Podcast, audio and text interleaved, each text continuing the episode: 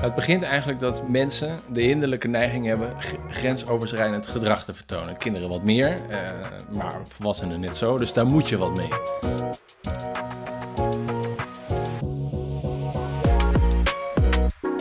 Welkom, leuk dat je luistert naar Bij de Les, een podcast waarin wij, Annemarie Proost en Edward van Dam, over onderwijs spreken vanuit onze dagelijkse praktijk op een school in Amsterdam-West.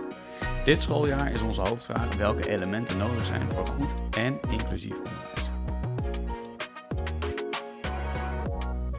Deze aflevering gaan we met Jaap van der Spek in gesprek over iets wat wij als school essentieel vinden: herstel.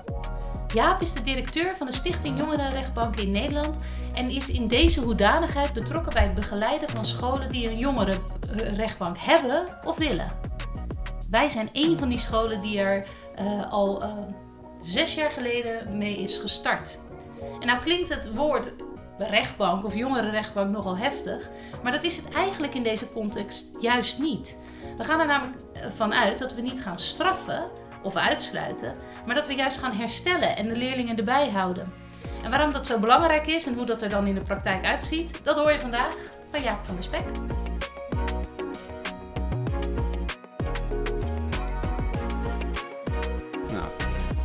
Let's go, hij loopt. Hallo Eduard. Hey Anne-Marie. We hebben een gast vandaag. Ja.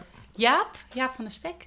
En uh, nou, van harte welkom op het Cartesius Lyceum. We zitten in de, een van de weinige airco-kantoortjes uh, die deze school rijk is. Uh, voor de rest van de school is het uh, tussen de 38 en 40 graden.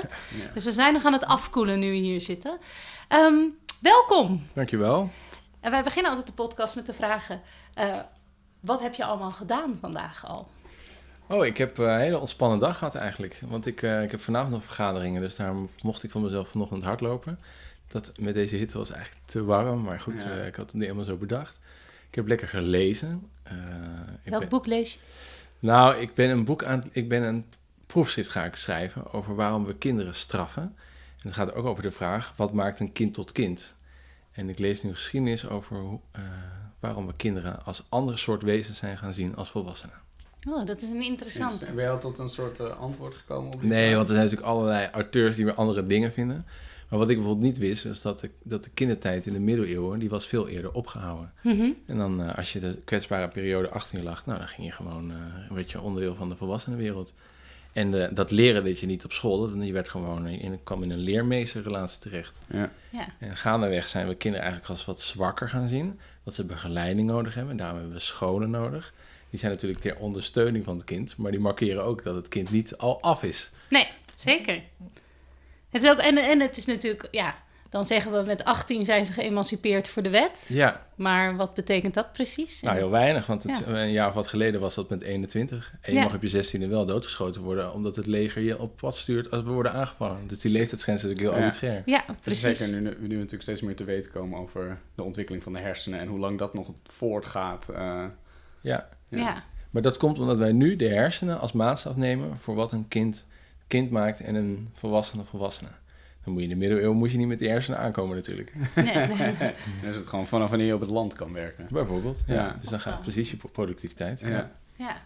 ja, dat is wel heel interessant. Dat, is- dat is natuurlijk, eh, wij noemen dat als wij eh, PWS eh, begeleiden, dat zijn profielwerkstukken aan het einde van de HAVO of het VWO.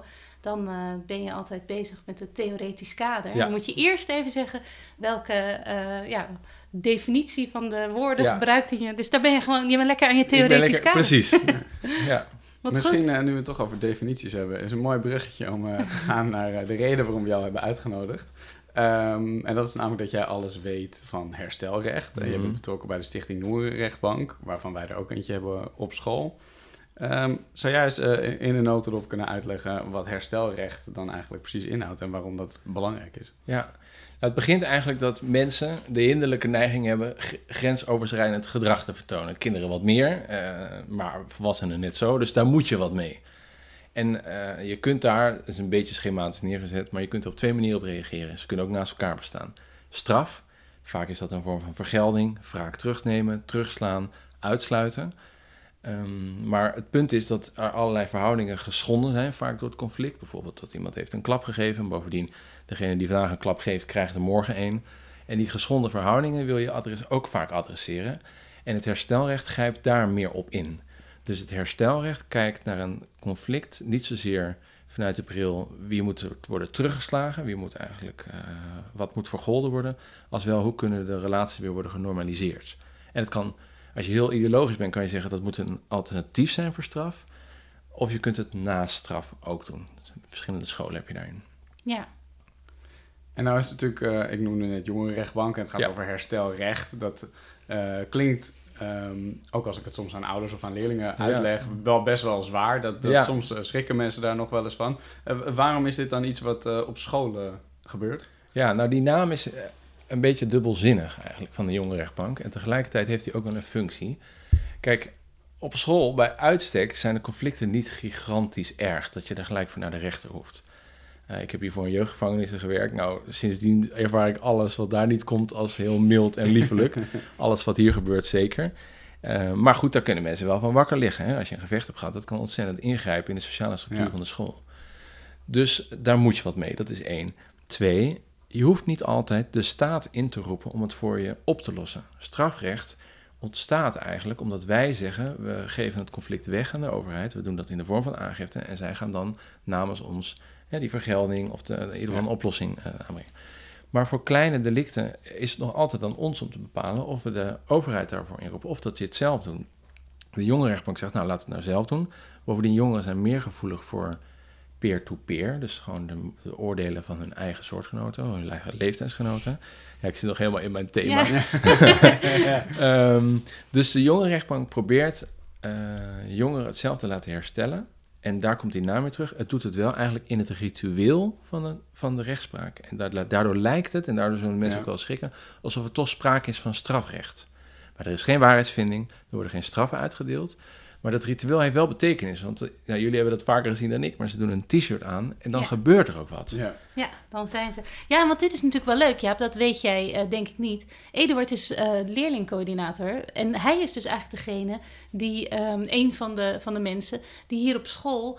Uh, een conflict of een incident tot een zaak van de jongerenrechtbank maakt. Dus, uh, en... ja, misschien is het wel aardig, moeten we dat ook gewoon even om mensen een beeld te geven van hoe het werkt. Het, dus doorspreken inderdaad, hè, van hoe, hoe dit dan werkt. Dus ik ben inderdaad leerlingcoördinator, dus vaak als er ergens iets grensoverschrijdends gebeurt inderdaad, wat dan met een, een van mijn leerlingen te maken heeft, dus bijvoorbeeld een brugklasleerling, dan komt dat bij mij uit en dan ga ik met die leerling in gesprek.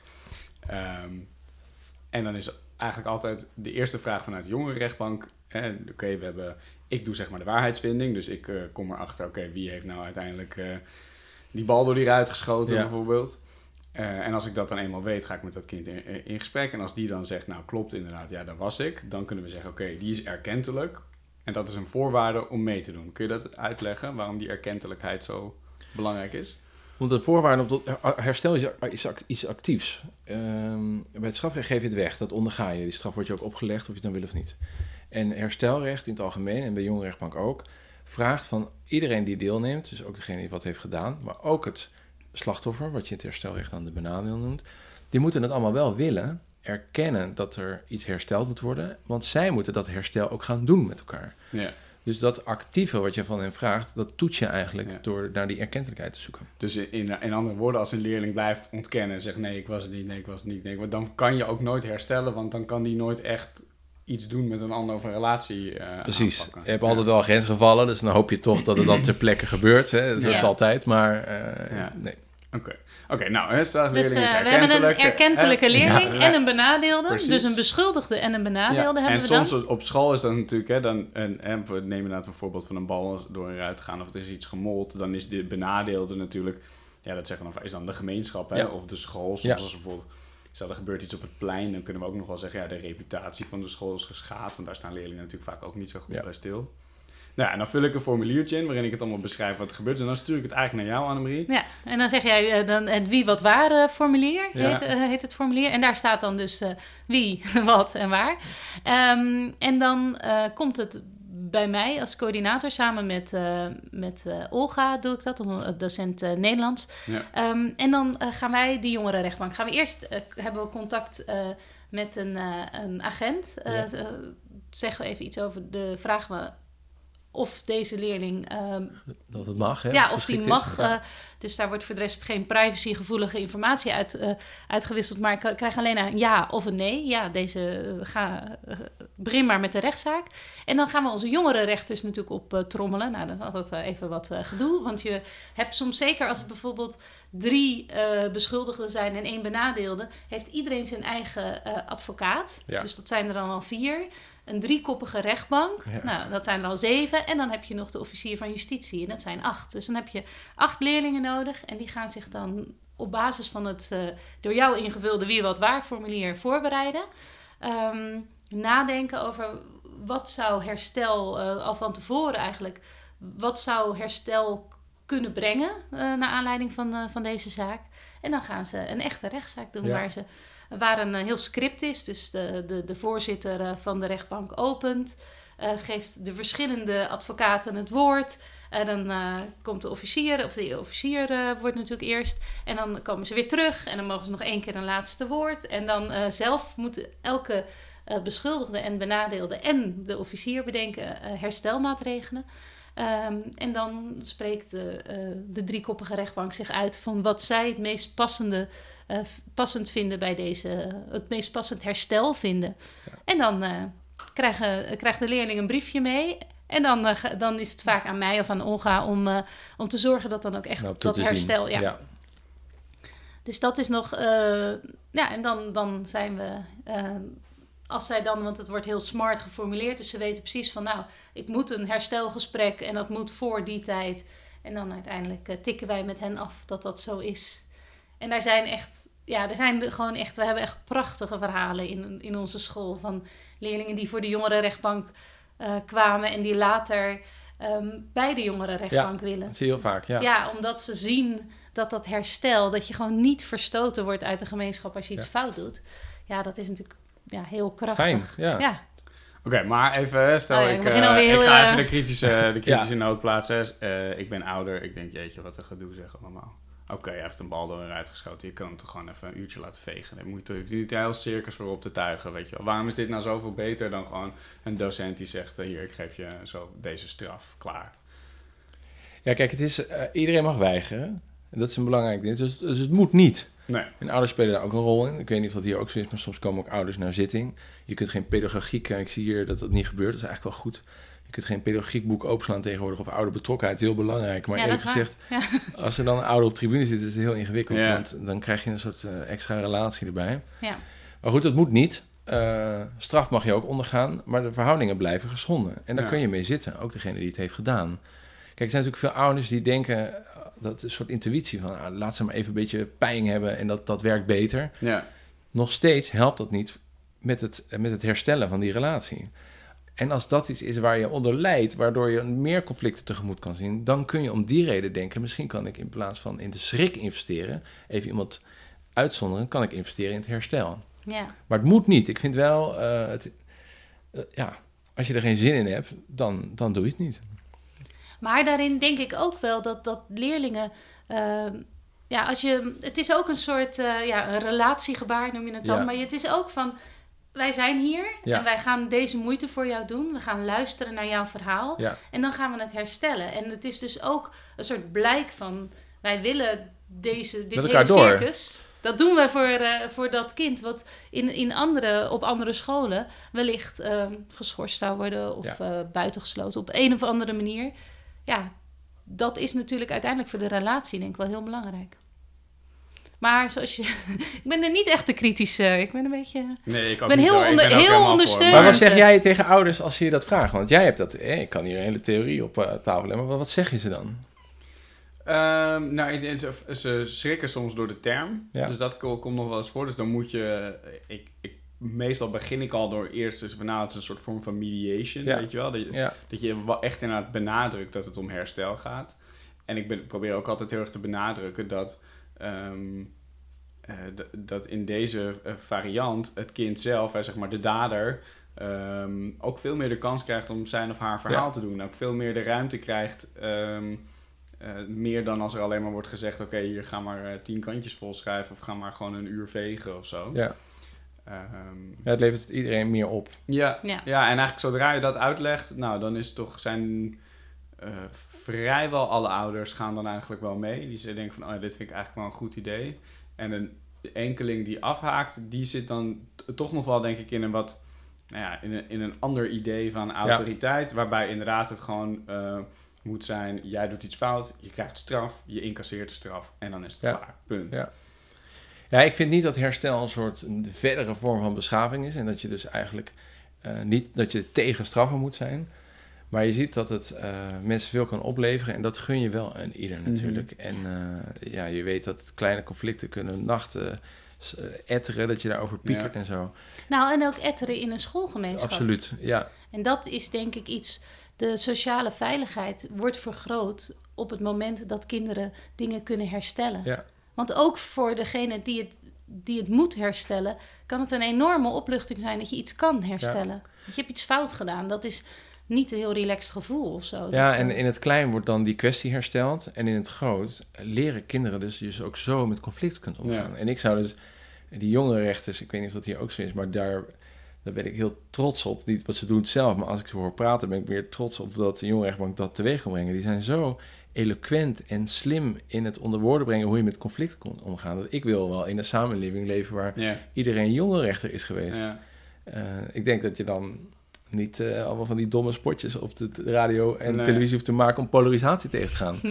nee. dat denk ik echt, ja. Nee, Zie je dat ook een beetje als taak van de jonge rechtbank inderdaad, om het in een wat soort breder maatschappelijk perspectief iets bij te dragen inderdaad tegen polarisatie of verharding? Of Ja, nou ja, je moet een beetje opletten dat je niet de hele wereldproblematiek op je Nee. schouders neemt. Maar ik vind, eh, in de eerste plaats hoop ik dat een jonge rechtbank, het, de betrokkenen bij het conflict, dat die het herstellen, dat ze met elkaar door kunnen.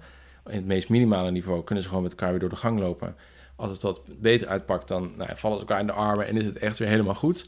Ik hoop dat de school daardoor meer herstelgericht wordt. En dat jongeren zelf daaraan weten bij te dragen. Dat het niet wordt, wordt, opgelegd. Kijk, herstel is niet iets verticaals. Iets van een, wat via een machtsverhouding Mhm. aan een Nee. kind kan worden opgedrongen. Dus ik hoop dat die, dat die kinderen dat dan dragen. En ik hoop vervolgens dat je, als je er meer van dat soort scholen hebt, dat we heel langzaam in de samenleving die vaardigheid inslijten, als Ja. het ware. Dat je zo met conflicten kunt omgaan. Want ja, die staat, eh, je ziet het met de toeslagen, je ziet ook hoeveel dingen ze niet lukt met Groningen en zo. Daar moet je ook niet te veel van verwachten. Ze kunnen grenzen oplossen, eh, eh, bewaken door straf te geven, maar een soort samenleving creëren die met elkaar verder kan, dat moet je niet van de overheid verlangen, denk ik. Ik denk dat je daar met heel veel jonge rechtbanken verder mee komt. Take that, Mark. Ja. Ja, eh, eh, ik ben ook wel benieuwd, hè, want je, je zegt ook wel steeds van het moet, het moet wel naast elkaar bestaan wat jou betreft, hè? klassiek strafrecht en herstelrecht.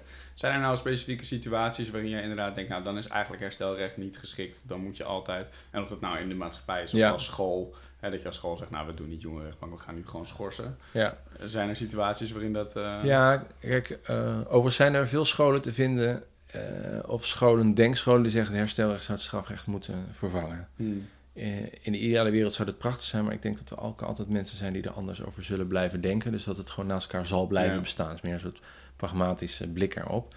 Je hebt soms zaken die je te ernstig vindt om alleen via de jonge rechtbank op te lossen. En tegelijkertijd wil je wel dat er sprake is van herstel. Ehm, ja, dat kan over toch wel ernstige geweldzaken eh, gaan. En dan kan je het parallel naast elkaar inzetten. Dan kan je wel aangifte doen en dan kan je voor het hersteldeel de jonge rechtbank inzetten. Ja. En inmiddels is het wel zo dat de jonge rechtbank ook zo in contact staat met politie, OM. Je vertelt dat je de politie ook opbelt en inmiddels ook halt. Dat dan die andere organisaties weten, oké, voor het hersteldeel gaat het al via de jonge rechtbank. Dus dat deel hoeven wij niet meer op te lossen. ja. Nee. Maar je hebt gewoon dingen die net te ernstig zijn. Ja. en, en overigens ook waarvan de benadeelde eh, dan zegt, nee, ik wil wel aangifte doen. Ja, en dan eh, staat het hen natuurlijk. vrij Ja, natuurlijk. precies. Ja, want dat is natuurlijk ook wel een, een element wat een beetje in het ehm, in dat herstel of, herstellen of straffen zit. Is dat vaak is toch ook wel het slachtoffer Ja. eh, op zoek naar inderdaad een vorm van vergelding. Ja, En eh, dat hebben wij op school ook wel eens gehad, hè, dat er wat aan de hand was geweest. En dat we zeiden, oké, dit gaat naar de jongerenrechtbank. En dat er ook wel collega's waren die zeiden, ja, jongerenrechtbank lekker makkelijk. Maar eh, hij moet Ja. gewoon eh, voelen, weet je. Het moet Ja. gewoon pijn doen nu. Ja. Eh, waarom schorsen we niet? Of waarom doen we niet dit? Of waarom doen Ja. we niet dat? Hoe, hoe verhoudt zich dat tot het herstelrecht, denk jij? Die drang naar vergelding? Nou ja, die drang die is er gewoon. En het is soms ook bijna een, eh, een intuïtie of een soort aangeleerde respons om uit boosheid op dingen te reageren. Ik heb merkt dat oh, met mijn kinderen, als die weer eens wat slopen, dan word je gewoon kwaad. Ja. En eh, leraren worden dan eh, ook kwaad, maar op een geciviliseerde manier. Dus dan komt er zo'n geciviliseerde Ja. zin uit. Van, eh, Dat hoop je. Ja, dat Ja. hoop je dan In eigenlijk. het beste geval. Ja, in het beste geval. Ja, ik, het punt is dat ik vind dat we met elkaar, en dat is een groot goed, van mening mogen verschillen over wat de juiste straf is. Hè, ik zie herstelrecht ook als onderdeel. Ik zie dat als een democratische praktijk. Dan moet je ook wel accepteren dat we met elkaar van mening mogen verschillen over wat de beste Ja. straf is.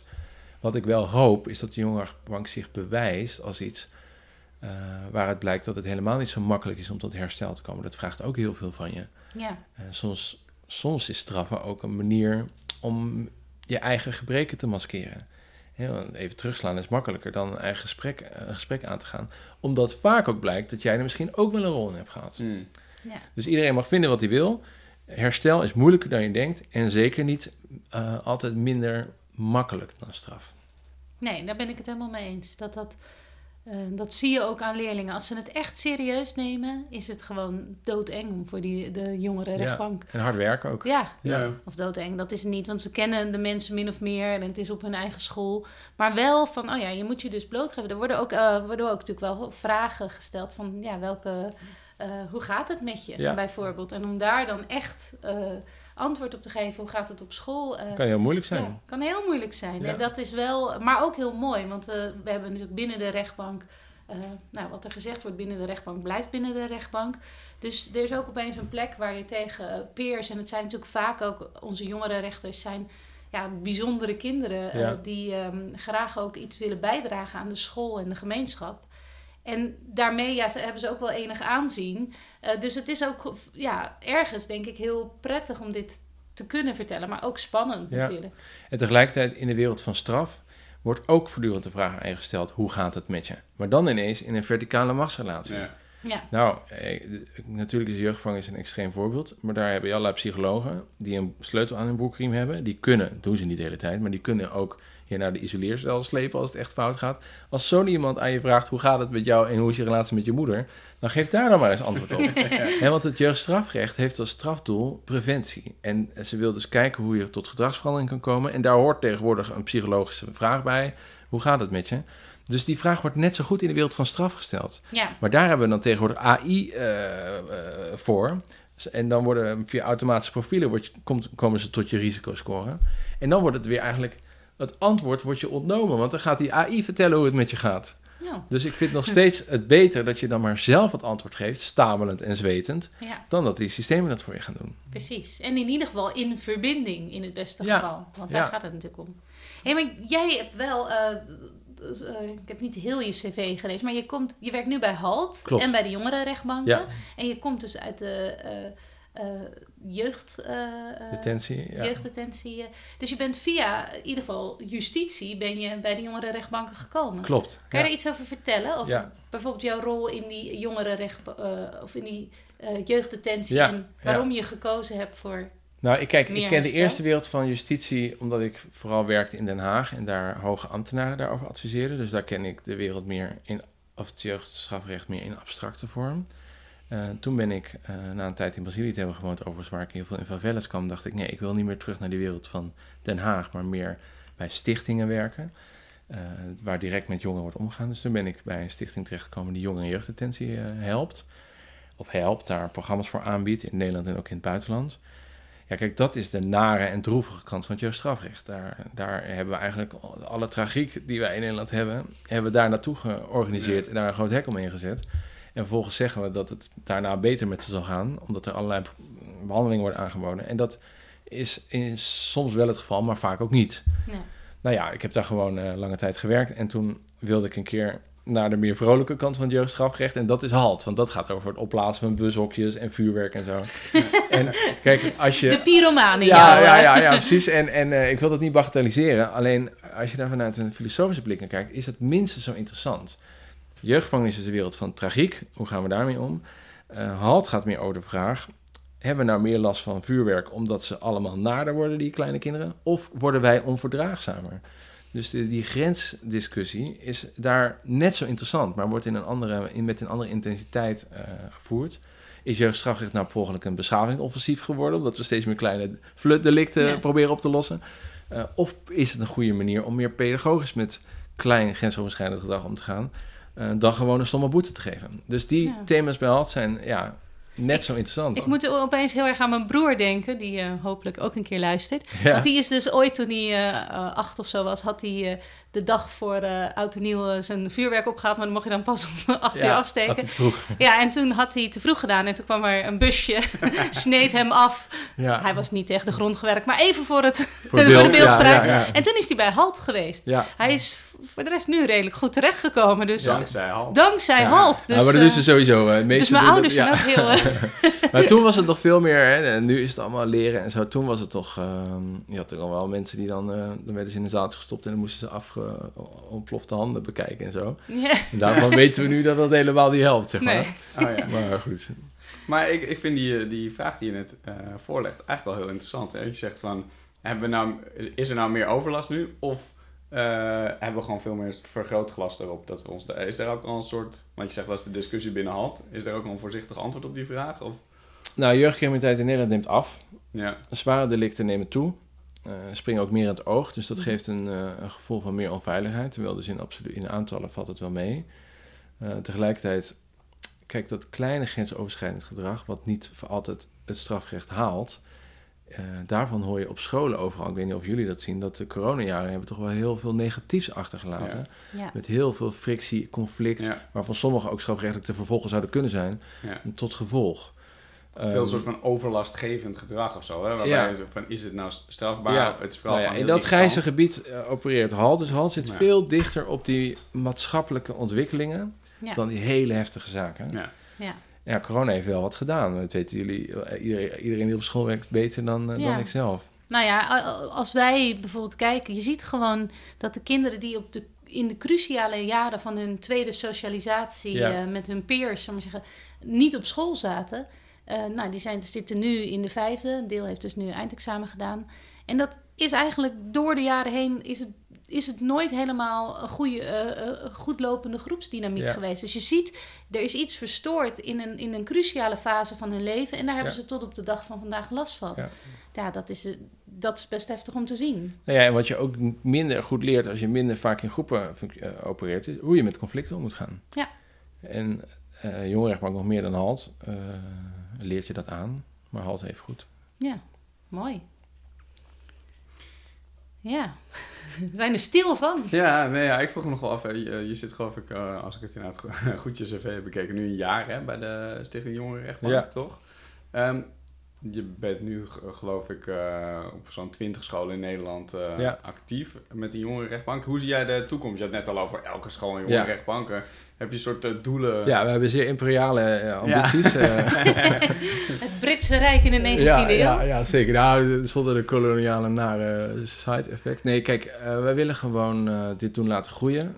En eh, daar ziet het ook naar uit. Het lijkt het komend jaar al te verdubbelen, omdat het is hier in Amsterdam begonnen met tien scholen. Eh, de gemeente en de wethouder staat er heel erg achter. Ja. Rotterdam gaat dat nu ook doen. Die willen er in één klap twintig eh, eh, gaan, gaan starten. Ja. En ik hoop dat, dat we vanuit die grote steden... dat we heel veel scholen in de gelegenheid stellen om een jongerenrechtbank te Ja. installeren. En wij ondertussen willen eh, het ook nog mooier maken. Hè. Ik weet niet of dat jullie dat herkennen, maar dit... De jongerenrechtbank is echt door alle intellectuelen bedacht. Dus dan heb je Ja. een trainingsmap. Nou, dan kan je promoveren hoor, zo dik dat Oh, die ja. is. Dus eh, ondertussen hoop ik dat we dat ook iets eh, toegankelijker maken. Ja. Dus die twee zaken tegelijkertijd. Nou, een mooie ambitie. Toch? Ja. Ik denk, het geeft Ja. tegelijk ook wel aan natuurlijk dat er een, een enorme vraag zit in het onderwijs voor hoe hiermee om te gaan. Hè? Iedereen die wel aanvoelt inderdaad van ja, je kan eindeloos kinderen blijven schorsen, Ja, maar het levert eigenlijk nooit echt Nee. iets op. In ieder geval nooit een soort duurzame gedragsverandering die je, waar je op zou hopen. ja. Nou ja, en, en het eh, derde eigenlijk wat ik nog nastreef... is dat wat jij met die ouders vaak hebt... dat ze zich afvragen, wat doet die jongerenrechtbank nou? En dan gaan we nog wel echt straffen. Dat gebeurt soms in het groot ook. Hè? De jongerenrechtbank leidt zelfs soms tot kamervragen... hoe klein het initiatief ook is... Met, eh, gaan we nou messen ineens niet meer naar de politie eh, sturen? Dus je ziet dat Nee. in plekken waar de jongerenrechtbank nog niet bestaat...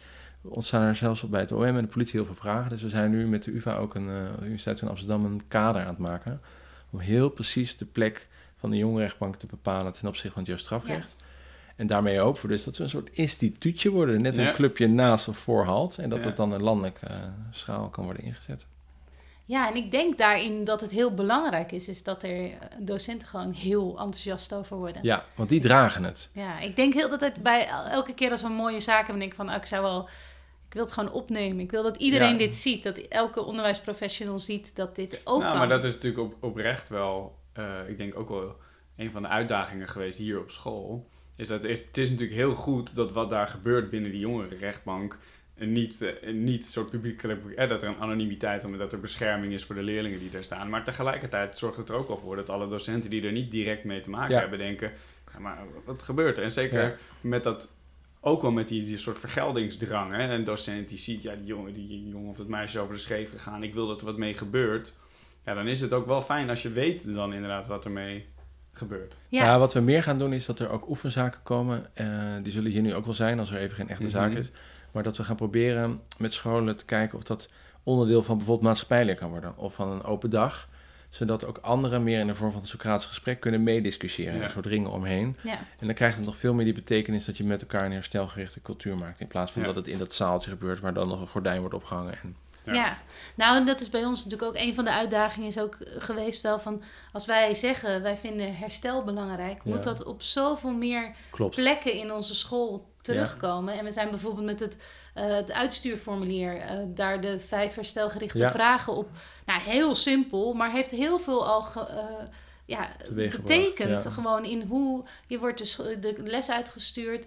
Je gaat nadenken, wie is hier nou benadeeld? Ja. En hoe ga ik dit herstellen? Zo'n andere vraag dan, wat heb jij gedaan? Of, Ja. eh, Het zit hem heel veel in de taal inderdaad die je Ja. gebruikt. Hè? En, en inderdaad, als je, ook als je niet naar de jongerenrechtbank gaat met de leerling, toch de vraag stelt, oké, hoe ga je dit herstellen? ja, Ja, alleen die vraag al, hè? Ja. Want eh, Ja. mijn kinderen die dan, eh, hadden dan laatst een tuinslang op het eh, raampje van het toilet gezet. Dus ineens kwam er zo overal water. toen was ik dus ook genegen om heel boos te worden. Dat, dat, dat is eigenlijk een voorbode van dat ik ga straffen. En toen dacht ik, eh, nou, ik werk hier al bijna een jaar. Ik vraag ze gewoon, herstel het maar. En je moet kleine kinderen niet altijd als voorbeeld nemen, maar Nee. voor de grote mensenwereld het een goed idee is. Maar wat ik wel zag is dan, eh, ze zijn ook bang dat ik boos ga worden. Ja. En je geeft ze eh, de manier om het op te lossen. En daar zijn ze ook aap, dat apetrots. Het gaat volgens helemaal niet goed, dat, dat schoonmaken. Maar je geeft ze een rol om Ja. het weer goed te maken. Ja. Dat is zo Ja. Een fijn. soort kans of zo die... eh, die- Ja, en het, voor mij heeft het een jaar geduurd eer ik dacht, ik kan ook... Ik, maar ik moet beginnen met het stellen van die vraag met het woord herstel. Ja. En dan Ja. op een gegeven moment ervaar je het wel. ja.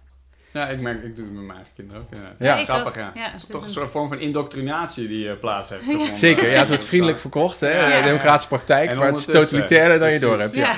ja. Linkse indoctrinatie. Ja, ja. Sowieso. Dat, eh, Ja, nou, ik heb het idee dat wij eh, de ins en outs van de jongerenrechtbank... Zijn er nog dingen die jij ons wil vragen? Of zegt, nou, maar dit ging ik nog zeggen. Dat ga ik nu nog doen. Nee, als wij nou hier in Amsterdam is het eh, inmiddels eh, lopen we er op, op tien scholen. In Rotterdam gaan we helemaal from scratch beginnen. Dus alles mag weer opnieuw.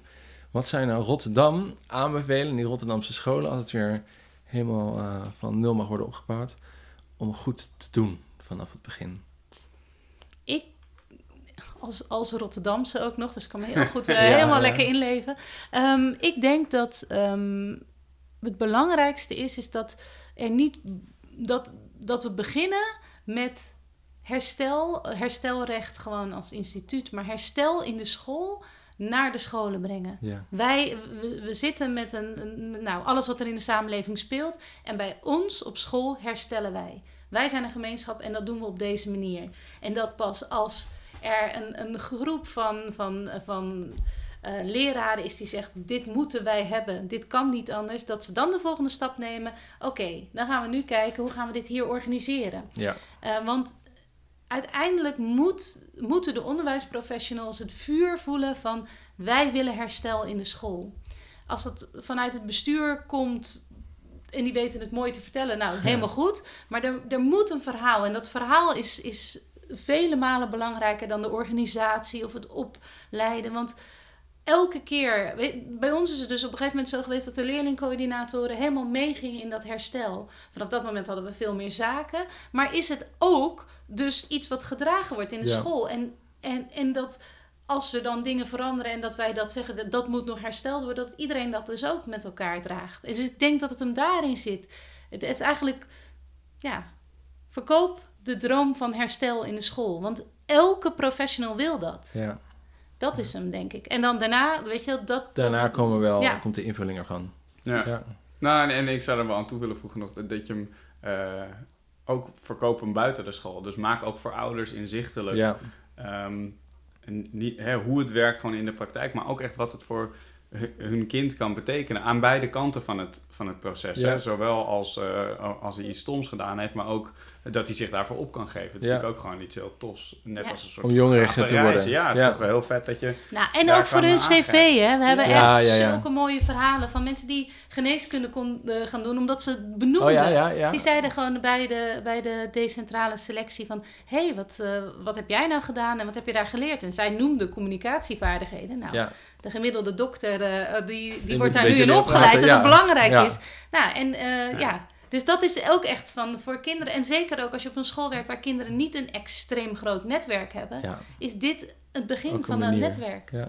Dus ik, ik denk voor heel veel leerlingen. We hadden ook voor de eerste keer nu zoveel aanmeldingen. Dus wij hebben. eh, eh, toen we een nieuwe training starten voor nieuwe jongerenrechters. Want het, het probleem natuurlijk van scholen is. En het, eh, ook het idee van scholen is dat ze op een gegeven moment weer weggaan eh, Ja. na hun diploma. Ehm, en we zien bijvoorbeeld ook dat de jongere rechters over het algemeen het ook goed doen op school. Weet je, dus dat, het is ook omdat je je dan, eh, ja, je, je doet echt mee aan de, Ja. ge- aan Ja. de gemeenschap. Ja. Dus ik denk dat dat voor ouders al heel eh, interessant is. Maar ik denk, ja, die, die, de leerlingen moeten het voelen, en, maar vooral ook dus De docenten en het, het goed aan de ouders kunnen uitleggen om de eerste schrik ervan weg te nemen. Ja. Ja. Ja. Dat denk ik. ook. Oh, en nog één tip voor ouders. Zorg voor goede namen van de zaken. Wij, altijd als we, als we de lijst openen, de zaak 015, het drinkyoghurt-incident. Nou, dat En klinkt dat- als een, eh, daar kan je al een boek mee schrijven, hè? Ja, Ja, precies. ja, ja. En eh, we- later hebben we ook nog een kwark-incident gehad. Dus het was toen wel een beetje in de zuiveljaren. Maar ehm, ja, dat is ook, eh, dat, daar geniet ook iedereen van. nou, heel kunnen we wel leuk. een goed Ja. boek over schrijven. Ja, Dankjewel voor je komst. ja Graag ontzettend gedaan. leuk dat je hierover wilde Ja. vertellen. Graag gedaan. En ik ga ook nog langer nadenken wanneer is een kind nou een kind. En ik ga op zoek naar een nieuw zuivelincident. Ja. Succes ermee. Dankjewel. Jo.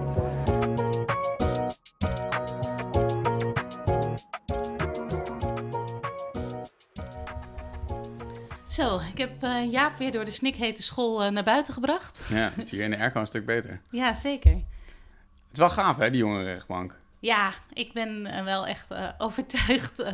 eh, ik, ik geloof in het herstel in, in school. Ja. Ik denk echt Ja. dat het zo krachtig is om dat te doen.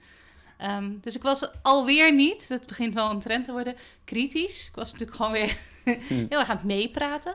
Ehm, misschien wordt dat onze rol, ja? Dat jij dan voortaan ja, ja, dat kritisch is goed, blijft. En, ja.